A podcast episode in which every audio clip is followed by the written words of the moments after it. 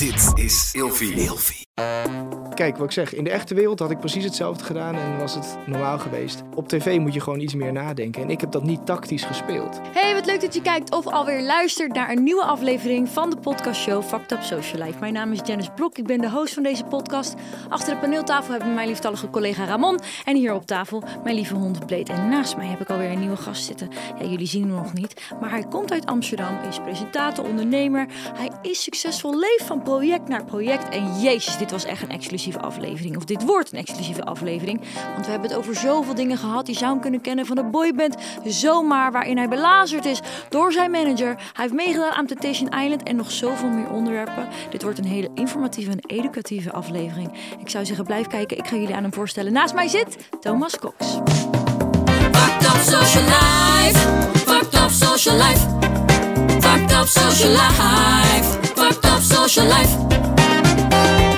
Dit is Janice met de Fucked up social life show. Fucked up social life. Hey Thomas, Hey Janice. wat leuk dat je er bent. Ja, dankjewel. Welkom bij de Fucked Up Social Life podcast show. Superleuk om hier in het echt te zijn, studio te zien. Leuk hè, met Ja, al die glittertjes en heel zo. gaaf. Ja, het is helemaal de Janice studio. Ehm, ik heb eh, even met Thomas te brainstormen wat, wat we allemaal kunnen gaan bespreken tijdens deze show. Ja, En het is zoveel. Weet je wat? Ik noem dit gewoon de exclusieve versie. We skippen even de standaard social vragen. De blok door blast vind ik eigenlijk ook dit keer helemaal niet zo interessant. We gaan gewoon gelijk de diepe in. Oké. Eerst even naar een stukje vroeger. ja. Eh, eh, waar, waar kunnen de mensen jou van kennen? Nou, als we beginnen bij vroeger. Vroeger ben ik begonnen bij Zomaar. Dat is een soort boyband. Eh, wat ik deed met twee vrienden. Dat was toen op YouTube helemaal, eh, werd dat groot. En we hebben heel veel opgetreden. Dus zingen. Ja, ik wist dit helemaal niet van jou, hè, dat je in Nee, een boyband hebt gezeten. Maar dit is ook al lang geleden. Ja, maar wel is- echt heel leuk. Ik heb ook in een, in een, eh, in meidengroep gezeten. Ja, dat moet ik ook eens even opzoeken dan. Nee, dat, dat hoeft niet. Maar het is wel ongeveer een beetje vergelijkbaar. Maar het grappige is, ik denk toen jij net die introductie deed, van er zijn zoveel dingen om over te praten. Ik denk dat heel veel mensen 90% niet gaan weten van wat we vandaag, Wat we vandaag tafel Die denken, oh ja, dat is die jongen van Temptation Island. Daar kennen veel mensen me Ja, van. ja, daar kende ik jou ook inderdaad van. Ehm, en Concentrate, Ja. groot YouTube-kanaal, eh, ook veel mee gedaan. En verder duizend en één dingen daaromheen nog gedaan. Jeetje. Online en van alles. Maar dat zijn wel de grote, de grote dingen. Ja, maar in de boyband, eh, ik, ik weet vanuit mijn eigen ervaring dat dat echt wel een, een struggle kan zijn. Met hoeveel waren jullie? We waren met z'n drieën. Oké, wij ook, Ehm, ja. Ja, en eh, ja, we hebben alles meegemaakt hoe dat gaat met een boyband. Dus je begint. ehm, en dan, we hebben meegedaan aan Hollands Got Talent, om te beginnen. Eh, dat was zeg maar onze springplank. ja, je kan het opzoeken. Nee, nee, nee. Mijn telefoon ging af. Ik denk, ik zet hem even op stil Oké. voordat het dadelijk Nee, maar ik denk, je gaat het opzoeken. Kijk, ik snap wat je net deed van... Oeh, nou, ik weet niet of we het daarover hoeven te hebben. Want ergens in mij ben ik heel trots op wat er is gebeurd. Ja. Maar als ik het nu terugzie, denk ik... Oh ja, wat waren we jong en naïef. En Ja, dit had zoveel beter gekund op zoveel Ja. manieren. Uh, maar we hebben wel echt gave dingen kunnen doen. We hebben grote optredens gehad in Carré en in Ahoy. En weet ik wat, Tina-dagen stonden we altijd. En eh, ja, we deden echt leuke dingen. En het was gewoon een hele gave tijd. Met twee goede vrienden eh, overal heen. Maar het klassieke gebeurde, wat bij een boyband gebeurt. Je krijgt ruzie met de manager, omdat ze je proberen te naaien. Ehm, uiteindelijk heeft die manager, die heeft onze band eigenlijk... Ja, wij, wij moesten gedwongen stoppen vanwege de contracten die we hadden getekend. Ehm, en toen heeft die manager, die heeft onze naam eigenlijk gestolen. Heeft daar proberen vier nieuwe gezichten op te zetten. En eh, dat is natuurlijk meteen geflopt, want dat pikte niemand. Dat klopte voor geen meter. En hij heeft het ook gedaan zonder overleg met ons. Hij heeft ons YouTube-kanaal uiteindelijk verkocht. Dus onze oude YouTube-video's staan niet meer online. Dat vind ik wel heel jammer. En ja, als je nu opzoekt, als je nu op Spotify gaat kijken naar Zomaar, dus eh, Zomaar met AE, dan staan er ook gewoon andere foto's. Omdat hij toch wel die, die vier nieuwe jongens, die, heeft, die staan dus nu op, op eh, Spotify. Terwijl eigenlijk ik dat ben met die twee andere vrienden. Dus het is allemaal heel raar gegaan. je, je, je, wist hier helemaal niks van af. Hoe Op kwam je er dan niet. achter? Nou, op dat moment hoor je dan in één keer van... hey, eh, die manager, Eugène, ik kan zijn naam wel zeggen... want hij is ook bij Boos geweest. Hij is helemaal kapot gemaakt... omdat hij nog meer mensen op TikTok heeft opgelicht... en hij heeft van alles gedaan. Ehm, En dit hebben jullie nooit doorgehad. Nou, ja, dat, eerst werk je gewoon samen... en probeer je iets te bouwen... en dan komen de kleine scheurtjes... en dan komen de grotere dingen waar je het over oneens bent... en dan kom je erachter dat hij gewoon echt dingen heeft gedaan... achter ons rug om en gelogen heeft over dingen. Ja, dan, eh, Ja, Dat meen je niet. dat gaat dan niet zo goed. Maar en, en je zegt als je het nu opzoekt, dan zie je dus die vier nieuwe jongens. Zijn hun nog actief? Zijn Nee. hun... Dus de boyband bestaat eigenlijk niet meer. Nee, die, dat zomaar dat is helemaal klaar. Die band is helemaal gestopt. Die vier jongens, sommigen doen nog wel eens wat. Eh, in, in de media, eentje zit in, in musicals geloof ik. En ik, ik ken die jongens ook wel een beetje. Als in, ik heb ze ontmoet natuurlijk. En dat is ook hoe het gegaan is. Toen hoorden ze onze kant van het verhaal. Want die jongens die wisten van niks. Die dachten gewoon, we worden gecast in een band en we willen ook zingen en iets leuks doen. Maar ja, dat. En de liedjes die, die dus nu nog eh, online te beluisteren zijn, dat is wel wat jij hebt ingezongen. Ja, dat zijn wel de nummers die we hebben gezongen. Er is één nummer ooit uitgekomen van die vier nieuwe jongens. Maar de rest is allemaal, dat ben ik wel. Dus, eh, dus je kunt jouw stem horen, maar je ziet dan een ander gezicht. Nee, ja, nee. Kijk, eh, de clips die we toen hebben gemaakt en zo, al die nummers totdat wij erin zaten, waren wel wij. Ja. Toen is er eventjes een korte periode geweest dat er vier nieuwe jongens gecast werden. En dat die zogenaamd ons moesten zijn. Maar dat is vrijwel direct weer gestopt. Omdat dat gewoon, ja, wij spraken die jongens ook. En we zeiden, hé, hey, dit klopt niet. Ja. En die jongens die zeiden ook van, oh, dat wisten we niet. Maar dat is gewoon meteen gestopt. De fans wisten, snap, ja, pikten het niet. Eh, niemand pikte het. Hoe oud was je toen? Mm, 23? Zo? Oké, dat is best wel jong. Ja, Wat, wat, wat 23, doet 24. dan met je als zoiets gebeurt? Want je, je zou denken, je, iedereen wil op, zo, op jonge leeftijd doorbreken, Ja. bekend worden, beroemd worden. Dan denk je dat je er bijna bent. Eh, optredens zoals een Ahoy en een Carré zijn natuurlijk echt fucking huge. Ja. En dan word je gewoon fucking hard in je rug gestoken. Ja, dat was wel heel jammer. Ergens dacht ik wel, oké, dit hoort ook bij het showbiz-leven. Je wordt een keer genaaid door je manager. Dat, Oh, dat, dat kon je wel, zeg dat- maar... Ja, dat overkomt iedereen. Ik Nou, vond het eigenlijk alweer... Toen je net zei, en eh, alles wat cliché, wat gebeurde, je krijgt ruzie met. Toen dacht ik dus dat je ging zeggen met de andere jongens van de boyband. Maar je zei dus manager. Dat is eigenlijk iets wat ik helemaal niet vind dat veel voorkomt. In ieder geval, bij ons was dat niet. Nee. Bij ons was het zeg maar onderling. Ja. Maar dit gebeurt dus heel erg veel. Ehm, nou ja, ik vind het wel ergens een soort klassiek verhaal of zo. Ik weet het wel. het is, je krijgt ruzie met de manager. Of onderling inderdaad, dat kan ook. Ja. Ehm, maar je hebt natuurlijk managers. Dat, ja, sommige managers zijn gewoon van die ja, Oplichters. oplichters die echt voor het verkeerde doel dingen doen. En je proberen uit te buiten en liegen over geldkwesties of andere dingen. Heeft hij ook veel geld van jullie afgenomen? Of? Ehm, ik weet niet eens alles. Of, want hij heeft achteraf zijn er gewoon dingen waarin hij dus ons genaaid heeft. Maar ik weet niet eens precies hoe. Ehm, ik denk dat het me. Dat het direct nog wel meevalt. Het is gewoon jammer dat we gestopt zijn. We hadden zoveel groter kunnen zijn dan dat we waren. Ja. Dat is afgenomen. Maar eh, toen ging ik door met Concentrate. Want dat liep toen ook al. Ja. En ik had dus nog iets om op terug te vallen. Ik had nog iets, een, een groot YouTube-kanaal.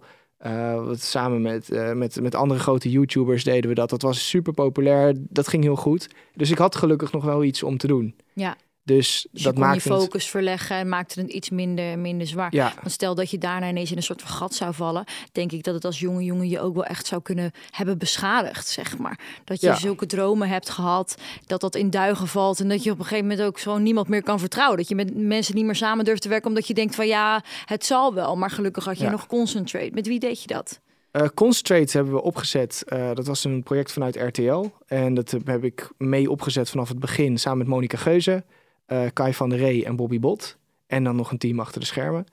Eh, maar wij waren met z'n vieren het gezicht in het begin. En wat En- deden jullie voornamelijk? Ehm, het, we deden leuke content op YouTube. eh, entertaining programma's maken. Veel met andere YouTubers en andere bekende Nederlanders. Het bekendste wat we hebben gedaan was de leugendetector.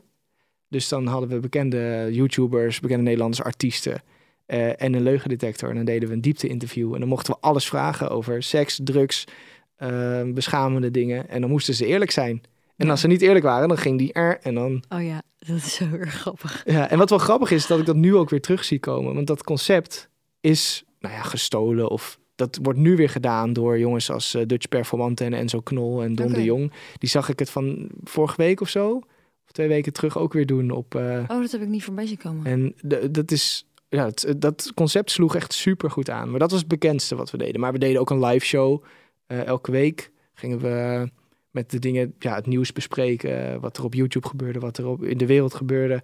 Eh, op een leuke manier, met artiesten, met muziek. Ja, ja, Concentrate was echt een vet groot platform. Ja, er waren uiteindelijk kwamen er nog Concentrate Bold en Concentrate Velvet bij. Eh, het Concentrate hoofdkanaal had 500.000 abonnees. En toen, eh, dat ging eigenlijk heel goed. En toen dacht RTL, van ja, het is ons kanaal. En wij willen focussen op Videoland en niet meer zo op dat online. En het kost ons te veel of zo. En we trekken de stekker eruit. Ja.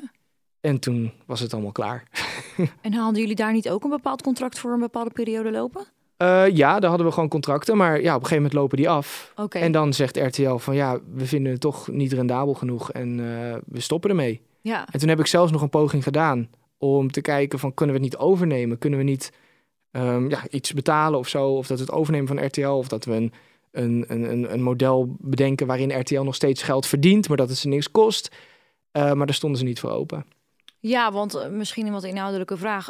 Wat is eigenlijk het verdienmodel voor RTL binnen Concentrate? Zeg maar, waar verdienen Eh, jullie geld mee? Ja, advertenties. Het begon allemaal. Deden, de eerste was door Axe, de deodorant. Dat had het allemaal gesponsord. Oh ja, gewoon sponsoren. En daarna kwamen grote andere, gewoon echt. Maar die, die, ja, er waren gewoon een aantal grote sponsors die we gaandeweg hadden.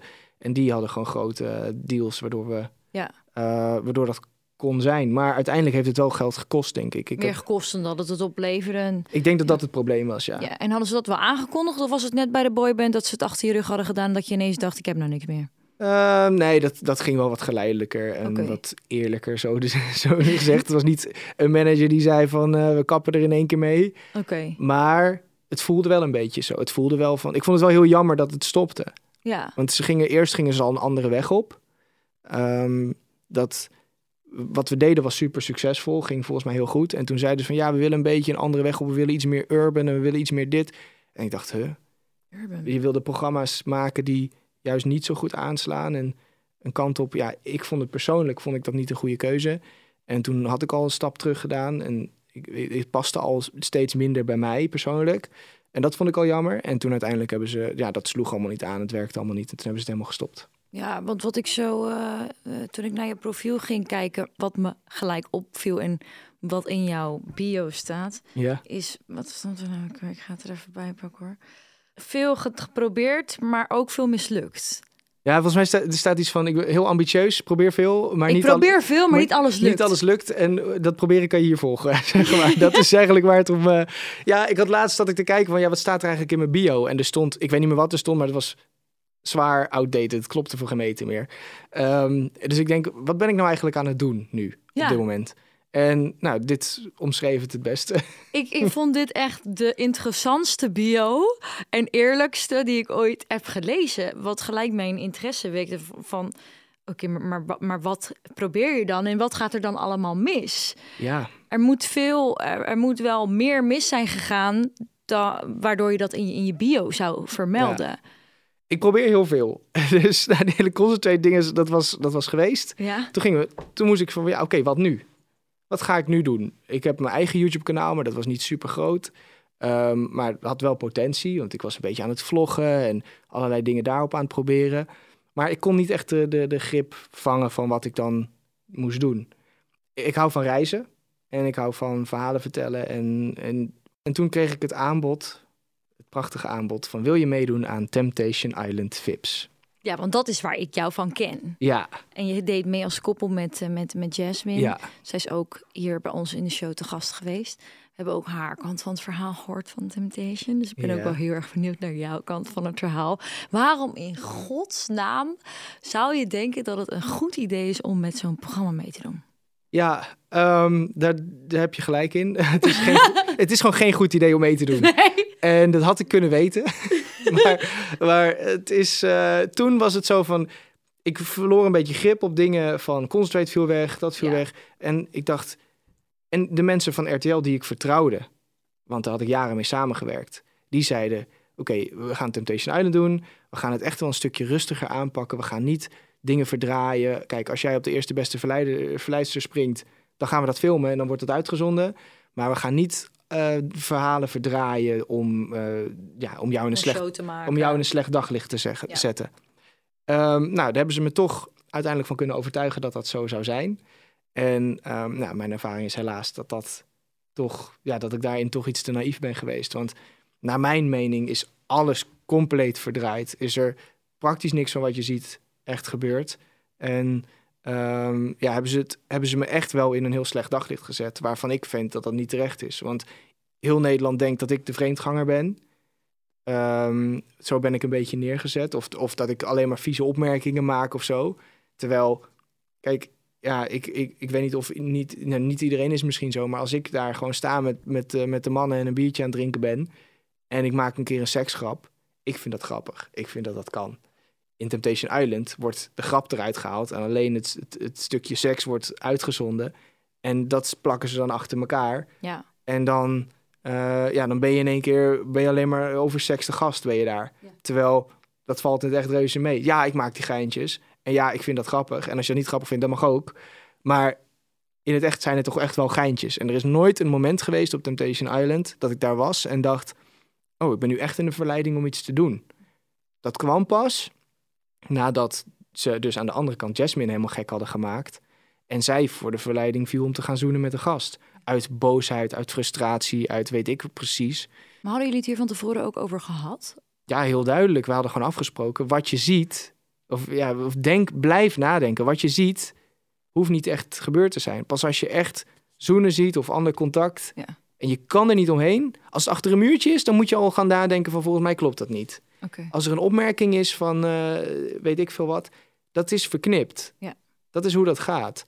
En ehm, dan, dan, dan, dan, ja, zij is dan, ik, dat vind ik dan niet zo slim van haar geweest, dat zij boos werd en ging zoenen met die, met die gast. En ik was ook, ze zijn heel goed. Ze zijn heel goed in je helemaal mentaal gek maken. Ze zijn echt, ze zitten constant trucjes uit te halen. Ze hebben spullen gestolen uit mijn koffer om een beetje te narren, om te, te irriteren. Ze hebben De productie. de productie, ja. Ze hebben, ehm, ehm, ja, toen, die, toen Jasmine eh, had gezoend met die verleider, hadden ze mij eh, een hele dag of een halve dag ergens zonder aan te kijken, zonder tegen me te praten, meegenomen in een busje, ergens neergezet. Ik wist niet wat er ging gebeuren. En ik word weer in een busje gegooid en de deur gaat open en daar staan dan die verleiders. Wat helemaal niet zou moeten kunnen, want die moet ik helemaal niet zien van de andere kant. Maar die stonden daar in de hoop, ik weet niet, om me gewoon boos te maken of om een gevecht uit te lokken. Ik weet niet, ik weet niet precies wat hun idee daarachter was. Maar heel veel van die kleine trucjes die er achter de schermen gebeurden, daarvan ik echt dacht van, nou, dit is heel raar. Gewoon negeren. Dus echt gewoon dat de productieteam de opdracht kreeg om mij te negeren als ik iets vroeg. Ehm, en ik ging daar gewoon niet zo goed op. Ik was daar gevoelig voor. Als je mij ja, niet goed behandelt, dan word ik toch, ben ik toch mentaal niet sterk genoeg. Of was ik toen mentaal niet sterk genoeg om daarmee om te gaan. En dan word ik ook een beetje boos en baldadig en opstandig. En ehm, ja, dat heeft er uiteindelijk toe geleid dat ik dat... Dus toen ik eenmaal Jasmine zag gaan, ze hebben haar dus opgenaaid om die fout te maken om te gaan zoenen. Wat natuurlijk, ja, ik, ik heb aangegeven aan alle kanten, ik vind dat onoverkomelijk. Als zij zou gaan zoenen met een ander, dan vergeef ik niet. Dan is, is de relatie voorbij. En dat gebeurde, dus mijn relatie was voorbij. Ik was daar helemaal kapot van. En ik zat daar, ik ja, nou, en ik was opgenaaid. Dus ik denk, nou ja, ik krijg ook maar lekker eh, het heen en weer. Ik, ik ga ook eh, daar overheen nog even. Ehm, ja, wat natuurlijk niet handig is. En wat uiteindelijk een hele stomme, ja, stomme positie is. Een stom iets is. Je, Maar- ook- je bent ook echt met iemand anders naar bed geweest daar. ja, Oké. Ehm, en uiteindelijk moet je dat natuurlijk sowieso op tv nooit doen. Ik denk in de echte wereld, als het in de echte wereld was gebeurd, zonder camera's erop, was het de volstrekt normaalste zaak van de wereld. Ja.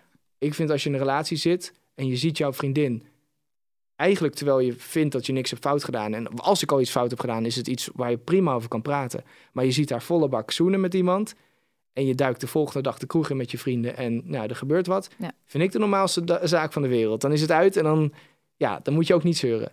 Op tv wordt het aan alle kanten uitvergroot en dan ben je in één keer de klootzak. Ja, ja, en dit is het perfecte voorbeeld van dat je niet altijd alles moet geloven van wat, wat je op tv ziet. En je zou eigenlijk denken dat je van tevoren inderdaad heel erg hierover afspraken gaat maken. Jullie komen allebei uit de showbiz. Ja. Je weet hoe dat werkt. En alsnog, als je dan daar bent, geïsoleerd, want volgens mij heb je ook geen telefoon, helemaal niks, Nee, hè? helemaal niks. Nee, dus je bent eigenlijk alleen maar op deze mensen aangewezen. En alle informatie die je van hun krijgt, is wa- wat je krijgt, zeg maar, Ja. waar je het mee moet doen. Dus je zou denken dat je daar van tevoren wel helemaal op ingesteld zou kunnen zijn. Ja, maar dat is. eh, ja, ik heb het onderschat. Dat is het. En uiteindelijk neem ik dat mezelf ook kwalijk. Ik, kijk, wat ik zeg, in de echte wereld had ik precies hetzelfde gedaan en was het normaal geweest. Op tv moet je gewoon iets meer nadenken. En ik heb dat niet tactisch gespeeld. Ja. Ik, heb, ik, heb gewoon, ik ben gewoon mezelf geweest zoals ik in de echte wereld ook zou zijn. Ja. Dat ben ik. En ik maak. Ik, ik drink een keer te veel. Ik maak een keer een domme seksgrap. Wat in de context heel grappig is. Maar als je het uitknipt, niet. Ja, En er zijn ook dingen gebeurd die helemaal niet gebeurd zijn. Of dingen uitgezonden die niet Ja. gebeurd zijn. Zoals het visincident. Eh, ja. Ja. ik ga het niet helemaal uitleggen. nee, Maar ja, het is in ieder geval, ze hebben echt dat meisje heel naar neergezet. En mij ook. Met iets wat totaal gewoon niet eens in de buurt gebeurd is. Ja. En dat vind ik wel kwalijk. ja. Ja, dus één seconde in het kort. Jullie gingen vissen met iemand waarmee je op date was. Ja. En jij zei, mijn handen ruiken naar vis. En ze hadden dat hele gedeelte van het vissen daarvoor eruit gehaald. Waardoor mensen dus eigenlijk concludeerden dat jij iets met haar had gedaan. En Ja, ze hadden ons gefilmd dat we ergens naar binnen liepen. En toen, maar we waren gewoon binnen. Maar daar hebben ze gedaan alsof daar van alles gebeurde. Daar Ja. binnen. En daarna kwam ik naar buiten en dan en mijn vingers stinken mijn naar vingers vis. stinken naar vis. Zo hebben ze het geknipt. Terwijl Ja. dat helemaal niet gebeurd is. Ja, en, en, en, en wat, wat, wat ik zo naar vind en wat de mensen die, die daar uiteindelijk hun meningen over geven niet realiseren, is dat ook het meisje daardoor heel erg beschadigd kan worden. ja. Eh, en, en je daardoor gepest kan worden, et cetera. Dus ik snap dat er tv en dat er een show gemaakt moet worden, maar dat, dat, dat ze daar zo ver in gaan. En wat jij net Ja. zegt over, over jou negeren en zo, Ja. dat is echt bizar. Het is echt niet normaal. En ik, ik dacht ook eigenlijk dat juist door mijn beetje seksgrapjes... dat ze dan juist genoeg hebben om een show mee te Ja, maken. dus nog verder gaan. Ik denk, als ze dat nou gewoon uitzenden zoals het is... en dan, oké, ja, hij gaat een beetje los, maar niet te ver, weet je wel... maar hij heeft wel lol daar en... Ja. Daar kunnen ze een prima show van maken. Hadden ze een mooi programma van kunnen maken. Misschien dat ik daarom ook... Want ik denk ook als een programma maken. Ja, precies. Dus ik dacht, nou, dan kom ik er helemaal goed uit. Ik ben een beetje die lolbroek die daar een beetje lol maakt de hele Ja. dag. Maar ze hebben het compleet omgegooid. Dus dat, Zo'n programma, dat kan je gewoon maken of breken. Ja. Eh, dus eh, als je ooit ergens aan mee wil doen, denk er dan in eerste instantie heel goed over na. Waarom ook eigenlijk? Weet je, wat levert het je op? Ja, misschien een beetje leuke centen, maar is Ja. dat het waard? Want het heeft daarna jou, jou als persoon en je carrière wel gewoon echt, eh, wel er echt invloed op gehad. En als, Zeker. als ik het goed heb, ook wel beschadigd. Zeker, ja. Het, en het zijn lessen. Dus uiteindelijk kan je het enige wat je kan doen is er een les uit halen. Maar het heeft me wel geraakt. Ja, ik heb toen wel even een periode gehad dat ik even niet zo lekker zat. Omdat ik echt dacht van ja, ik, ik kan slecht tegen dingen die ik on- oneerlijk vind. En voor mij voelde dit extreem oneerlijk. Ja, ik ben ook niet nu mijn straatje aan het schoonvegen of zo. Maar dat is dan ook weer dat, dat mensen dat gaan denken. Maar ik ben ook weer goed met Jasmine. Ik vond dingen die zij heeft gedaan, vond ik niet leuk. Zij vond dingen die ik heb gedaan niet leuk. Maar we kunnen er gewoon over praten. Eh, ik spreek haar af en toe nog. En, maar dat geeft ook aan dat wij niet nu nog in een eeuwige ruzie zitten of zo. Of dat, dat eh, hoeft allemaal niet. Ja, want waarom, eh, nadat jullie denk ik uit Temptation kwamen, hebben jullie er wel over gesproken. Ja. Nou, dan komt alles aan het licht, dan komt alles boven water, dat dingen niet kloppen. Zijn jullie daarna nog wel verder gegaan of is, is, is de relatie echt opgehouden? Nee, de relatie was wel echt voorbij. Maar ik vond het wel belangrijk dat we gewoon op goede voet met elkaar waren. Want ik vond het allemaal niet nodig om eeuwig ruzie te blijven houden. Ja, En dat was al vrij snel weer oké. ja, Ehm, dus ja, zo staan we ervoor. oké. En eh, nou ja, goed. Maar daarna was dus Temptation gebeurd. En met de hele nasleep daarvan ehm, was... Ja, ik had een succesvol, succesvolle band, succesvol YouTube-kanaal. Eh, alles ging eigenlijk helemaal voor de wind. Ik zat in een super lekkere flow. En voor mijn gevoel, in een vrij korte periode, werd dat, ja, brokkelde dat af. Ja, En was ik door die klap van Temptation ook een beetje mijn, ja, mijn mojo kwijt, weet je wel. Mijn, flow. mijn flow. Ik, ik wist het even niet meer wat ik wilde doen. Wil ik weer wil ik verder met mijn eigen kanaal of niet? En toen kwam er iets op mijn pad. Ik denk, ik ga zelf video's maken over reizen. En ik kreeg eh, een aanbod eh, dat ik naar Saudi-Arabië kon. Fucking vet. Fucking vet. Heel veel mensen hebben een mening over Saudi-Arabië. En ik begrijp ook heel goed waar dat vandaan komt. Ik heb Mhm. heel goed onderzoek gedaan naar wat daar vroeger gebeurde in het land. Eh, Maar het land zit in een soort revolutie. Eh, het is heel hard aan het veranderen, aan het verwestersen eigenlijk. Of dat een goed ding is of niet, moet je maar... Dat is allemaal in het midden. Maar ik wilde juist op onderzoek uit. Ik wilde kijken, hoe is dat land nou echt? Want als je nu vraagt aan mensen... Ze hebben hier en daar wat gehoord. Denken ze Saudi-Arabië, dat is een land waar ze mensen hun handen afhakken als ze iets verkeerd doen. Of als je homo bent, dan word je opgehangen. Of ehm, er worden mensen vermoord eh, door een leider zonder, ja, door de leider daar. Dat is wat je in het nieuws leest. Ja. Ik werd uitgenodigd om te gaan kijken in het land van, hé, hey, ze gaan open voor toerisme. Ehm, ja, ga eens kijken. Gewoon open blik, geen limieten. Je gaat gewoon naartoe en gewoon eens kijken hoe het gaat. Maar door wie werd je uitgenodigd? Ik werd uitgenodigd via via door een, eh, eigenlijk door een influencer uit Saudi-Arabië. Ehm, en die mocht mensen dus uitnodigen. En die woont daar. En die heeft daar zelf heel zijn leven gewoond. En die mocht mensen van over heel de wereld uitnodigen. En via een, via, via, via een andere influencer trip op Bali eh, was hij ook bij. En zo, zo werd het uitgenodigd. Oké. Dus zo is het gegaan. Ehm, nou ja, ik dacht, vet, ik Ja, wil het zien. gaan ik ga doen. er naartoe. Weet je, open blik, open vizier en eh, gewoon kijken wat er gebeurt. En dan spreek je dus de mensen, de locals. Ze zijn daar hele, allemaal dingen aan het bouwen in de woestijn. Hele festivals en evenementen. En het ziet er super mooi uit allemaal. Er is natuurlijk heel veel geld. En zij willen, wat eigenlijk Dubai al eerder heeft gedaan. Die heeft gezegd, we gaan de regels een beetje versoepelen. We gaan alcohol schenken. We gaan allemaal dingen toelaten die eigenlijk volgens de oude regels niet, niet gelden. Gaat, is Saudi-Arabië ook aan het doen. Dus zij willen gewoon heel veel geld investeren om toeristen binnen te halen. Begrijpelijk. Ehm, dus ik ga daar naartoe. Ik maak er een video over. En ik belicht de negatieve kanten. Maar ik belicht ook de positieve kanten. Ik belicht van, joh, ze zijn echt aan het veranderen. En ik zie ook die verandering. Ik zie het in de mensen. Ehm, een groot probleem wat mensen dus altijd zeggen, zoals ik net ook al zei, is van... eh, er is een narratief dat, er, dat homoseksualiteit in het land verboden is. En dat dus ook als je dat uit, dat dat dan echt helemaal... Dat je echt dat het met de dood eh, moet bekopen. Ik kan zeggen dat ik daar mensen heb ontmoet die homoseksueel zijn. En die daar leven, hun hele leven al. En een heel prima leven hebben. En de complete vrijheid hebben vanuit hun familie, vanuit alles, om te doen wat ze willen. Het enige is, in de cultuur moet je niet op straat gaan lopen tongen. Je moet niet, maar dat moet je als heterokoppel ook niet doen. Dat zit gewoon in die cultuur. Dat, er zijn cultuurverschillen. En daar kun je ook van vinden wat je wil. Maar cultuur is gewoon anders. Maar dat is niet per se slecht. Dat, dat willen die mensen gewoon niet.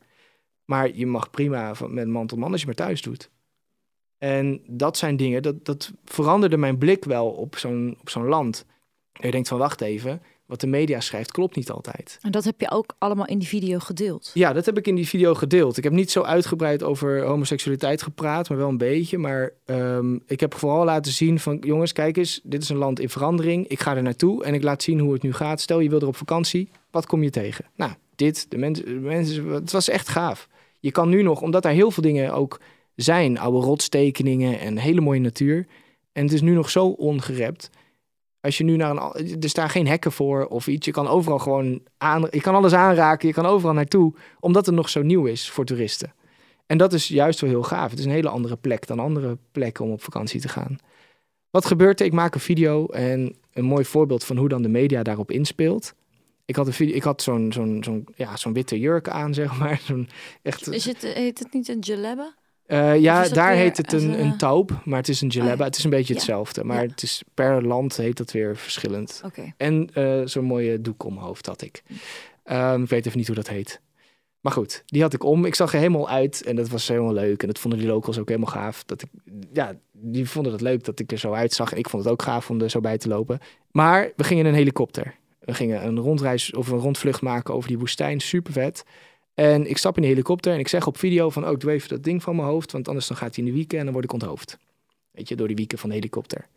Ehm, dus ik stap in de helikopter, vette beelden, ik stap weer uit, ik doe dat ding weer om, helemaal prima. Maar dat zit in die video. Hele gave beelden, alles leuk. Kom ik thuis, ik had die video gepost en die ging best wel viraal. Best wel groot, best wel honderdduizenden views, heel veel reacties. En ehm, de Nederlandse media pikte dat ook op. Want die wilden natuurlijk iets negatiefs schrijven over Saudi-Arabië. Die wilden weer laten zien hoe slecht dat land is. En die kwamen er toen achter dat die, die gast van Temptation Island... die het daar allemaal zo eh, slim had aangepakt... is nu eh, Saudi-Arabië aan het promoten. Weet je wel, zo was de insteek. Ja. Ehm, en ik lees op een gegeven moment terug van eh, influencer... is, ga, Nederlandse influencer gaat naar Saudi-Arabië... en is bang om onthoofd te worden. Jezus. Zo schreven ze het op. En ik denk, huh? Wat, wat bedoelen ze dan? Maar dat bleek dus om die helikopter te gaan. Dat ik in die wieken, dat ik dat ding even afdeed, omdat ik niet in de wieken gepakt wilde worden. Maar zo schrijven ze het op. En dat geeft aan hoe, ja, hoe media hoe, eh, dingen verdraait. Hoe ze alleen maar bezig zijn met dingen verdraaien. TV, media, juice channels, alles. Ja. Ze pikken er precies uit wat ze eruit willen pikken. Maar Ja. hadden ze ook dan dat stukje van jouw video er ook in verwerkt en dat dan ook weggelaten? Of was het puur alleen de titel? Ehm, ik weet niet meer precies hoe dat. som- want er waren best wel veel media-uitingen die erover schreven. En sommigen hadden stukjes video gebruikt. Eh, die hadden bijvoorbeeld gezegd: Ik heb gezegd van het is een van de veiligste landen ter wereld. Ja. En dat is ook zo. Het is. Je, er is daar geen criminaliteit in de zin van je kan daar je camera, je portemonnee, je, je, je kan gewoon cash geld, eh, je telefoon, kan je ergens op een tafel leggen op een terrasje. En je kan een week op vakantie gaan en als je terugkomt ligt het er nog. Duizend procent zeker. Er Wat wordt bizar. niks gestolen. Dat is ook in Dubai zo, dat is ook in Monaco zo trouwens. Er zijn een paar plekken op de wereld waar dat zo is. Je, auto's staan niet op slot, fietsen staan niet op slot. Het is, alles is gewoon, ah, deuren van huizen staan allemaal open, want er wordt niet gestolen. En daarom, en voor vrouwen is het veilig, die kunnen s'avonds veilig over straat, worden nooit lastig gevallen. Eh, voor toeristen is het veilig, want je kunt overal eigenlijk alles krijgen en iedereen is aardig en behulpzaam. En wat dat betreft is het gewoon heel veilig. En dat wilde ik juist belichten. Dus ik heb gezegd, het is super veilig. Nou ja, dan krijg je dus de Nederlandse media die dat niet weten. En die zeggen, ja, die, hij zegt dat het het veiligste land op aarde is, terwijl ze homo's onthoofden of zo. Ik denk, jongens, je hebt de video niet gekeken, je bent er niet geweest. En kijk, ik zal ook niet zeggen dat alles goed gaat. Hè? Dat is ook wel heel belangrijk om te onderschrijven. In dat land gaan ook heel veel dingen fout. En er zijn, er zijn dingen in het regime wat je misschien niet wil. Eh, maar dat is overal in de wereld. Ja. Ik bedoel, als je gaat inzoomen, eh, als je zo gaat denken, kan je ook nooit meer naar Amerika op vakantie. Want wat die allemaal hebben uitgespookt en nog steeds uitspoken in de wereld. En hoeveel mensen die ehm, ja, vermoorden, in, direct of indirect, dat is ook niet oké. Helaas leven we in een wereld waar wat niet perfect is. En waar landen met veel macht en, en wereldleiders gewoon gekke dingen uithalen. Ja. Maar dat betekent niet dat de mensen in een land allemaal fout zijn. Ja. En dat was eigenlijk mijn verhaal daarmee. Die video ging wel heel viraal, ging heel groot. Eh, dat was dan wel weer interessant. Ja, dat wil ik net zeggen. Dat op het moment dat alle media dat oppakt, Ja, gaat iedereen massaal die video bekijken. ja, Maar eh, ondanks dat de titel en de media er negatief iets, iets negatiefs over hebben geschreven, zodra iedereen de video bekeek, zie je eigenlijk dat dat dus niet het geval is. En dat alles wat jij deelt juist heel positief en informatief is geweest. ja. Dus eigenlijk indirect, ondanks dat het zo lelijk is dat de Nederlandse media dit op deze manier doet, heeft het voor jou wel positief uitgepakt. Ja, in die zin wel. De heel veel reacties waren heel positief. Ja. En de meeste zelfs. En ik heb ook feedback gekregen van de jongens uit Saudi-Arabië. Ik had de video in, in het Engels gemaakt, dus zij konden hem gewoon zien. Heel veel mensen daar hebben hem ook gekeken. En die waren heel blij dat er een keertje iemand kwam die gewoon een goed, echt beeld gaf. Want ik heb ook gezegd de negatieve dingen in de video. Het is, en ik ben ook niet betaald voor die video of zo. Het is niet dat ik betaald werd om een bepaald riedeltje te doen. Het is geen propaganda. Het is, ja, ik ben daar gewoon geweest. Ja. En ik heb mijn eigen ervaringen gedeeld. En dat is denk ik wel wat anders dan. ehm, nou ja, sommige mensen betichten mij van. Ja, je werd betaald om dit te zeggen. Maar dat is dus ook niet zo. Ja, maar waarom denk je dan dat, dat ze zo negatief blijven doen? Want kijk, eh, misschien ben jij een, eh, een grote influencer natuurlijk die, eh, die zo'n video nu zo viral heeft kunnen laten gaan. Maar je bent natuurlijk niet de eerste verslaggever die daar is geweest om, om eh, informatie te delen over dit land. Dus waarom denk je dat, dat, de, dat de Nederlandse media nog steeds zo negatief hierover blijft doen? Ik was toen wel een van de eerste. Ik was, want het land was altijd dicht voor eh, toerisme. Er was geen toerismevisum. Je kon daarheen voor zaken. Of als je er woonde of familie had. Of, Mhm. Dan mocht je het land in, kreeg je een visum. Was niet heel moeilijk, maar er was geen toerisme. En ik kreeg wel als een, echt letterlijk een van de eerste ter wereld een toeristenvisum om daar binnen te komen. Ehm, dus er waren nog maar weinig mensen voor mij hadden op die manier kennis gemaakt met het land. Daarvoor was het of ja, diplomatieke dingen of media die daar iets te zoeken had om olie of weet ik veel wat. Ja. Ehm, maar ja, was dat land eigenlijk altijd een beetje, ja, het bestond, maar we hadden er niet zoveel mee te maken, behalve dat er olie uit geïmporteerd werd. Hmm, Oké. Ehm, dus Zo ja, wel zoveel- vet bijzonder dan. ja, ik denk juist dat ik, dat ik juist wel een van de eerste was die dat deed. Joh, ik kan me niet voorstellen dat er dan niemand anders was, dan een verslaggever of, of, of inderdaad, eh, weet ik veel, iemand van tv of iemand of, of iets in die richting. Maar jij was gewoon echt dan. Ja. En, en wat ook echt zo is, een paar jaar geleden, voordat, een paar jaar voordat ik ging, was het ook wel echt een stuk slechter. Waren er ook echt wel dingen die gebeurden eh, die echt niet oké waren. Die wel in de lijn liggen van de dingen die beticht, waar ze van beticht worden. Ehm, dat is gebeurd. Dat is echt een regime geweest. Het was heel streng. Dat was echt eh, eh, ja, een zwaar, eh, streng regime was daar aan de gang. Ja. En, maar dat is juist veranderd. Dat is juist hetgeen wat ik wilde onderstrepen. Van ja, ze zijn er ook misschien nog niet. Ja. Maar waar ben je er wel? Weet je wel, zijn we, is, is Nederland perfect? Ja. Is Amerika perfect? Is, waar is het perfect? Ja. Nergens. Overal zijn dingen op aan te merken. Hier hebben we, weet ik veel, eh, toeslagenaffaire waar ze kinderen wegnemen. Dat is ook niet oké als je dat van de buitenland, buitenkant gaat bekijken. Ja. Ehm, ja, er gaan dingen fout in een land. En daar ook. Maar, ook de, maar de mensen zelf zijn mooie mensen en die willen gewoon iets moois ervan maken. En dat wil ik laten zien. En ehm, waar zou je, naar welk plaatsje zou je de mensen adviseren om op vakantie te gaan? Daar, ehm, eh, daar moet je naar Al-Ula.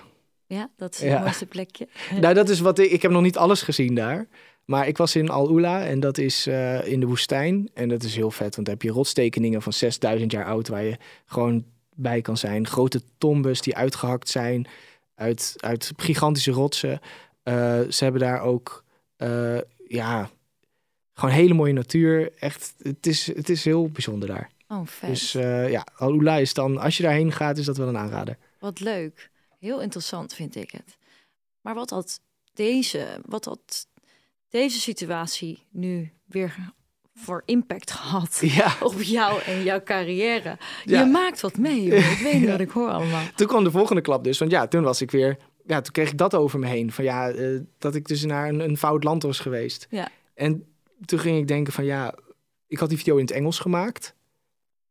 Ik vond dat eigenlijk niet zo erg dat daar ook negatieve dingen op kwamen. Ik, werd er wel, ik dacht wel van ja, pff, waarom? Maar ik dacht ook alweer van ja, misschien is het goed dat er iemand is...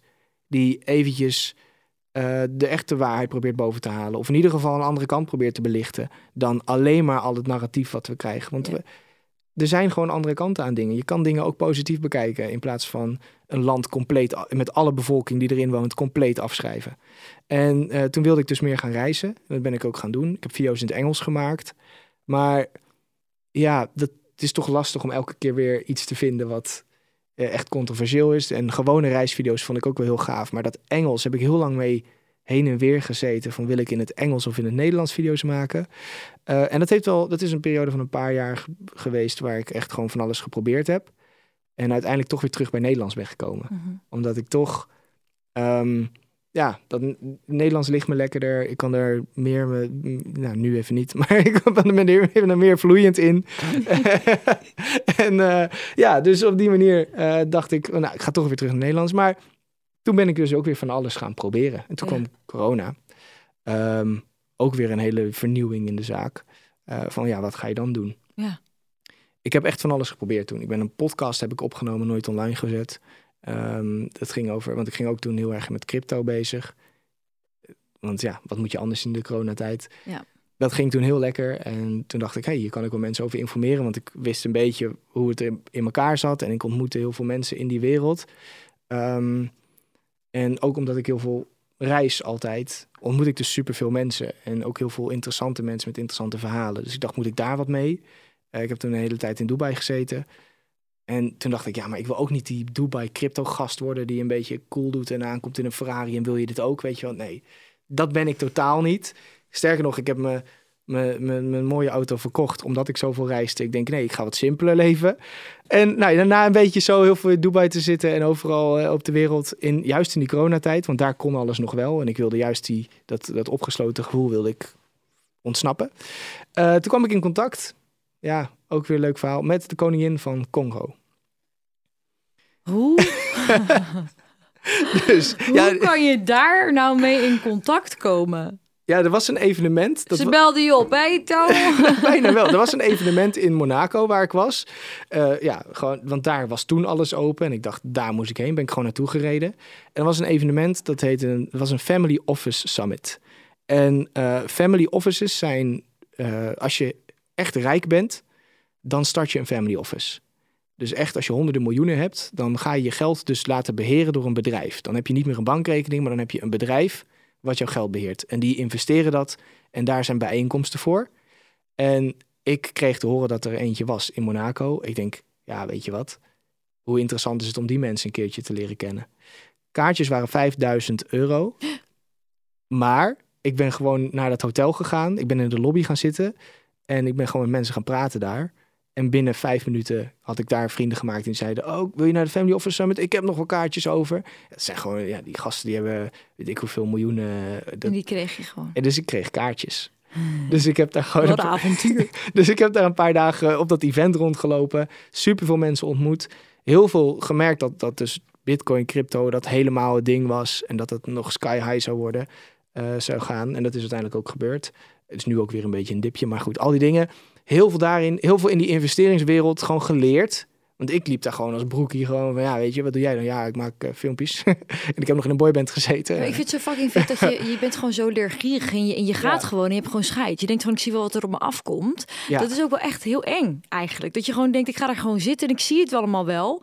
Ja, maar dat vind ik juist het leuke. Dat is fucking tof. Ik zou, ik zou het niet nadoen. Ik vind dat echt heel erg leuk. Dat je wel gewoon zo jezelf blijft pushen en uitdagen om dat soort dingen te leren en blijven ontdekken. Ja, want dat is juist het leuke, dat ik echt op die gekste posities terechtkom. En uiteindelijk kwam ik dus ook via die mensen in contact met de koningin van Congo. En die zeiden, of de, nou zij hoorden dus van ja, jij maakt video's en zo en eh, dat vind ik wel, wel tof. En ik sprak haar en ik zei, maar hoe gaaf is het al om, om, om jouw verhaal te laten zien? Want zij re- reist dus, zij is een traditionele koningin in een regio in Congo, in eh, Congo DRC, zijn er twee. Ehm, en zij is dus, heeft die traditionele titel gekregen en zij heeft besloten om die, die status te gebruiken om de wereld rond te reizen, om te kijken hoe zij eh, ja, mensen, zoveel mogelijk mensen kan helpen in Afrika. Dus met de juiste investeringen, maar wel op een manier dat het goed is voor de mensen. Want wat er nu gebeurt in dat land, is dat eh, grote bedrijven als Apple, weet ik veel wie, die hebben grondstoffen nodig. Eh, voor batterijen, Tesla en dat soort dingen. Die hebben grondstoffen nodig voor batterijen en voor andere technieken. Alle chips en alles zit, zijn grondstoffen voor nodig. Die grondstoffen zitten heel veel in Congo in de grond. Wat er gebeurt, daar is een hele militaire operatie, eigenlijk een soort maffia zit daar, om die grondstoffen te bewa- bewaken, zodat die bedrijven dat goedkoop kunnen kopen. Die hebben eigenlijk, ja, die hebben dat eigenlijk gewoon geclaimd. En de lokale bevolking profiteert daar niet van. Het land is super arm. De mensen zijn super arm, terwijl eigenlijk zouden ze een gigantische export moeten hebben aan grondstoffen en daar een super florerend land van moeten hebben als je het eerlijk zou verdelen. Maar dat gebeurt niet. Dat is afgesloten. Als je daar dichtbij in de buurt komt, is echt gewoon ja, oorlog zou je kunnen zeggen, word je echt gewoon eh, beschoten. Je moet daar niet in de buurt komen. En dat zijn de grondstoffen voor onze producten. Nou, zij als koningin van die regio heeft weinig echte politieke macht, want er zit gewoon een president aan de top. En eh, zij is koningin. Je hebt daar meerdere regionen, eigenlijk stammen zou je kunnen zeggen, maar dan wel groot. Die hebben allemaal een eigen koning en koningin. Maar zij heeft wel dus een, een invloed op de bevolking. En die invloed wilden ze omzetten en daardoor zorgen dat er zoveel mogelijk goed gedaan werd. En dat belichten in jouw video. Ja, en dan heb ik dus voorgesteld van, joh, mag ik met je meereizen en je avonturen laten zien, zodat we daar een documentaire over kunnen maken of een serie of misschien wel een YouTube-kanaal. Ehm, hoe we dat gaan doen precies, weet ik nog niet. Ja, ik wou net vragen, want wat bied je dan aan? Waar ga je zo'n video plaatsen of uitzenden? Of... Ja, nee, dat, dat zijn dus dingen die komen dan vanzelf op je pad. Want we zijn gewoon op pad gegaan. En toen kwamen we uiteindelijk ook met mensen van Netflix in contact en alles. Op dit moment is er nog niks rond, want dit was vorig jaar. Een half jaar Oh. met haar meegereisd. Eh, er staat nog niks, of, nou, er staat nog weinig van online. Eh, je kan haar wel volgen, Queen Diambi heet ze. Eh, ze is, maar zij is eh, in bepaalde eh, kringen. Dus heel, zij kent heel veel royals, zij kent heel veel CEO's van bedrijven en dat soort dingen.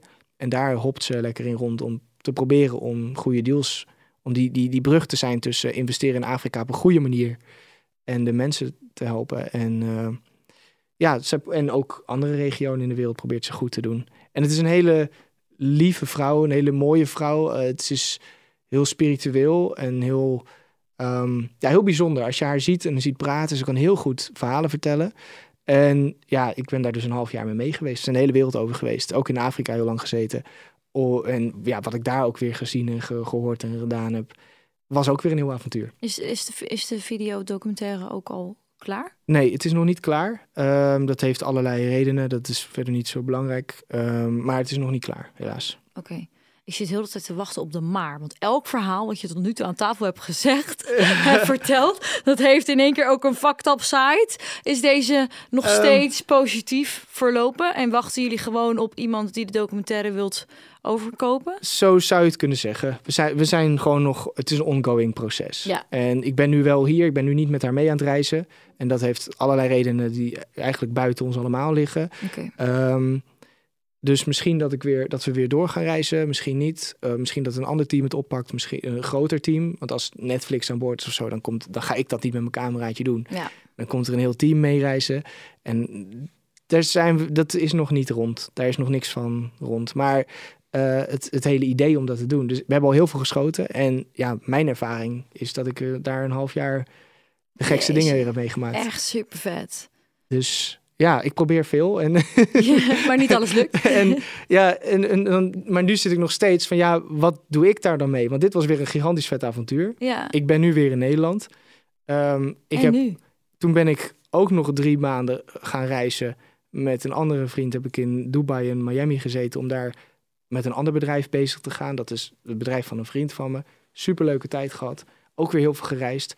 Maar nu ben ik ook daar weer van terug. En dan denk ik weer, en nu? Ja. Dus dat is elke keer waar het. Dat is de maar, of dat is elke keer waar het op terugkomt. Van er komt echt wel weer een nieuw avontuur. Ja. Maar eigenlijk zou ik, als ik deze avonturen nog iets beter had gedeeld op social media bijvoorbeeld. Ja. Denk ik wel dat ik nog meer volgers en nog meer dingen had gehad. Dus dat is nu mijn ambitie om iets beter te worden in. eh, of die kracht terug te vinden en die, die, die energie terug te vinden om het allemaal wat beter te delen. Want ik heb ook heel veel niet gedeeld. Ja. Ik vertel het nu, maar het is leuk om dat gewoon dagelijks op mijn Instagram of mijn YouTube of weet ik veel te kunnen volgen. En heb je dat dan niet gedeeld om, om dat je bang bent voor de negativiteit die erop af zou kunnen komen, omdat het zo vaak is gebeurd? Of was je er niet bij met je, was je meer gefocust op andere dingen tijdens? Ik denk dat het de focus is. Ja. En dat negativiteit, ehm, ik denk gewoon wel dat het een beetje mijn, mijn persoon is. Dat ik af en toe een beetje tegen dingen aan moet schoppen. Dat, Ja. dat hoort bij mij. Ja. Ik bedoel, eh, ik wil het er verder niet over hebben, maar je kan me denk ik wel raden hoe ik in het hele corona-verhaal sta. Ehm, ja, dat, je hebt gewoon mensen die, die bepaalde dingen dan zien of me- net even ergens anders over denken, snap je? en zo, zo ehm, sta ik daar ook in. En, Ja. Maar zo, nou trouwens, misschien is het wel een even, even aanstippen. Dat vond ik ook wel lastig, want het gebeurde allemaal met, met corona. En toen stond ik van, ja, is het nu mijn taak om Ja. dit te belichten of mijn kant te belichten? Ja, want je belicht eigenlijk heel veel. Ja, ik vind, dat ieder, ik vind ook dat iedereen gewoon wel echt. Ik vind het jammer dat bepaalde kanten niet mogen en bepaalde kanten wel mogen. Mhm. Ik vind dat je alles moet kunnen zeggen. Ik heb, ben, heb mensen ontmoet op mijn reizen die, die er echt van overtuigd waren dat de aarde plat is. En ik denk, ja, oké, kom maar op met je argumenten. En ik heb het allemaal aangehoord en ik dacht, nou, sommige dingen dacht ik, nou ja, ik kan niet zeggen dat je geen gelijk hebt. Of ik, ik kan het moeilijk nu hier ter plekke bewijzen dat het niet zo is. Maar heel veel mensen die zeggen, oh, oh, denk je dat de aarde plat is? Oh, nu vind ik jou gewoon een sukkel en eh, Ja. nu ga ik nooit meer met je praten en ik luister niet eens naar de argumenten. Nee, luister gewoon en misschien ben je het niet eens. Ja. Dat is goed. Ik zeg ook niet dat ik denk dat de aarde plat is, maar ik vind gewoon dat je naar iedereen moet kunnen luisteren en naar alle meningen en alles. En dat, dat is misschien mijn boodschap die, die ik op social wat meer zou willen uitdragen. Van kijk gewoon naar dingen, luister naar dingen, luister naar iedereen. Ehm, en heel veel dingen zijn echt wel anders dan je denkt. En dat is wel echt iets wat ik kan onderschrijven. Ik ben, als je dan in Afrika rondloopt en je ziet wat daar gaande is, dat is echt anders dan, dat, dat, je- dan welk beeld in de media dan ook kan scheppen. Ja, maar ik denk sowieso dat voordat je een mening ergens over velt, dat je eh, in eerste instantie onderzoek ernaar moet hebben gedaan. Ja, Eh, want als je dat niet hebt gedaan, dan kan je eigenlijk ook geen mening erover hebben, want je hebt, je hebt de kennis niet en je hebt geen feiten. Ehm, Of je, kan, je kunt niet komen met feiten omdat je geen onderzoek ernaar hebt gedaan. Maar zoals ik nu al jouw verhalen hoor, heb, heb jij eigenlijk gewoon altijd geleefd van een soort van project naar project naar Ja. project. Ehm, en eh, wat is, wat is het uiteindelijke doel? Wat je, kijk, dat je actiever wilt zijn op social media en meer wilt gaan delen. Zou ik je zeker, mee willen geven als advies, want je maakt maar dingen mee. Joh. Ja. Dat, dat zou ik graag willen volgen. Dus dat moet je zeker gaan doen. Wat is het uiteindelijke doel wat je nu voor jezelf hebt gesteld? Ehm, nou ja, eh, dat is ook wat ik nu een beetje tijdens dit gesprek misschien zelfs nog aan het, aan het vormen ben. Ik denk wel dat, het, dat mijn... Iedereen heeft een soort van purpose, iedereen heeft een soort van taak in de wereld, toch? Iedereen is ergens voor gemaakt. Al, al deze dingen he- hebben een bepaalde rode draad. Het is altijd een beetje net even het onderzoeken wat buiten wat standaard is. Het is net eventjes ergens naartoe gaan waar niet iedereen komt. En ik denk dat dat iets is wat, ja, wat gewoon bij mij past. En daar zou ik wel graag een, een, een platform voor willen zijn. Dat zou ik meer willen delen op mijn eh, YouTube-kanaal bijvoorbeeld. Dus dat ik daar gewoon weer dat soort video's op ga maken. Jeetje, wat vet. Wat, wat een toffe verhalen. Dit was echt een hele educatieve podcast met superveel informatie. Ik vond het wel echt heel leuk. Het was weer heel wat anders dan normaal. Ja, Ehm, maar er is nog zoveel eigenlijk wat wij zouden kunnen bespreken. We hadden het ook over een truffelceremonie die we allebei hebben Ja. gedaan. Maar als ik naar de tijd kijk, zitten we gewoon al bijna op een uur. oké. Ehm, dus we moeten helaas stoppen. Maar ik vond het echt heel erg leuk dat je er was. Jij ook. ik vond het heel leuk om hier te zijn. We hebben echt heel veel van je geleerd. En, eh, en eh, echt, we zijn veel dingen van je te weten gekomen die zich achter de schermen hebben afgespeeld. En eh, dat was echt heel erg tof. Dank je wel. Dank je wel voor je komst. Ja, ook bedankt. En eh, voor de luisteraars en de kijkers, volgende week donderdag is er weer een nieuwe aflevering online. Tot dan. Joe! Fucked up social life.